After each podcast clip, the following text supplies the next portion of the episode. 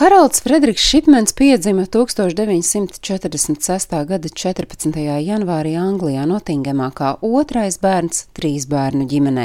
Viņa vecāki bija strādnieki, tēvs braucis ar kravas mašīnu, bet ģimene bijusi ļoti dievbijīga.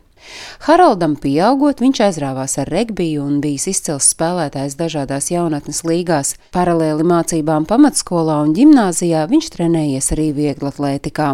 Šķiet pavērsiens šī cilvēka dzīvē bija tad, kad viņam 17 gadu vecumā no vēža mira mamma, ar kuru dēlam bija ciešas saikne un labas attiecības. Dēls esot bijis mammai klāt visu slimības laiku, un pašā mūža izskaņā viņš, redzot mammas mocības, injicējis viņai sāpju mazinošos līdzekļus. Un visticamāk, laikā, kad dēls aprūpēja mirstošo mammu, viņš pieņēma lēmumu kļūt par ārstu.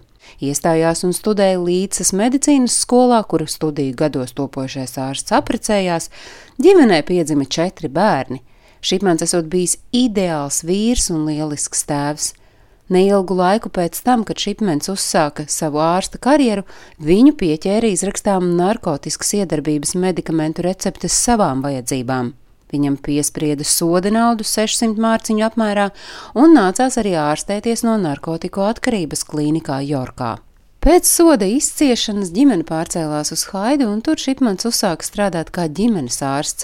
Pamazām iekarojot pacientu vēlību, viņš kļuva par sabiedrībā mīlētu ārstu un cilvēku. Savulaik sniedzis intervijas par to, kā sabiedrība izturas pret garīgi slimiem cilvēkiem.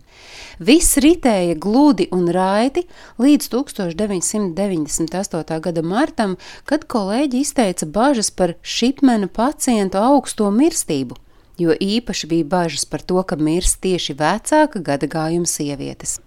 Policijā nepietiekama pierādījuma dēļ lietu toreiz tā arī neuzsāka. Pēc šī notikuma izrādās Šipmens viņa saulē bija aizsūtījis vēl trīs cilvēkus, līdz policijā vērsās taksometra vadītājs Džons Šovs, sakot, ka viņš tur ārstu aizdomās par 21 pacienta slepkavību. Kā tieši taksometra šoferim tas ienāca prātā? Raugi viņš esot nogādājis daudzus vecāku gadagājumu pacientus slimnīcā, kur tieši šipmena aprūpēti viņi miruši.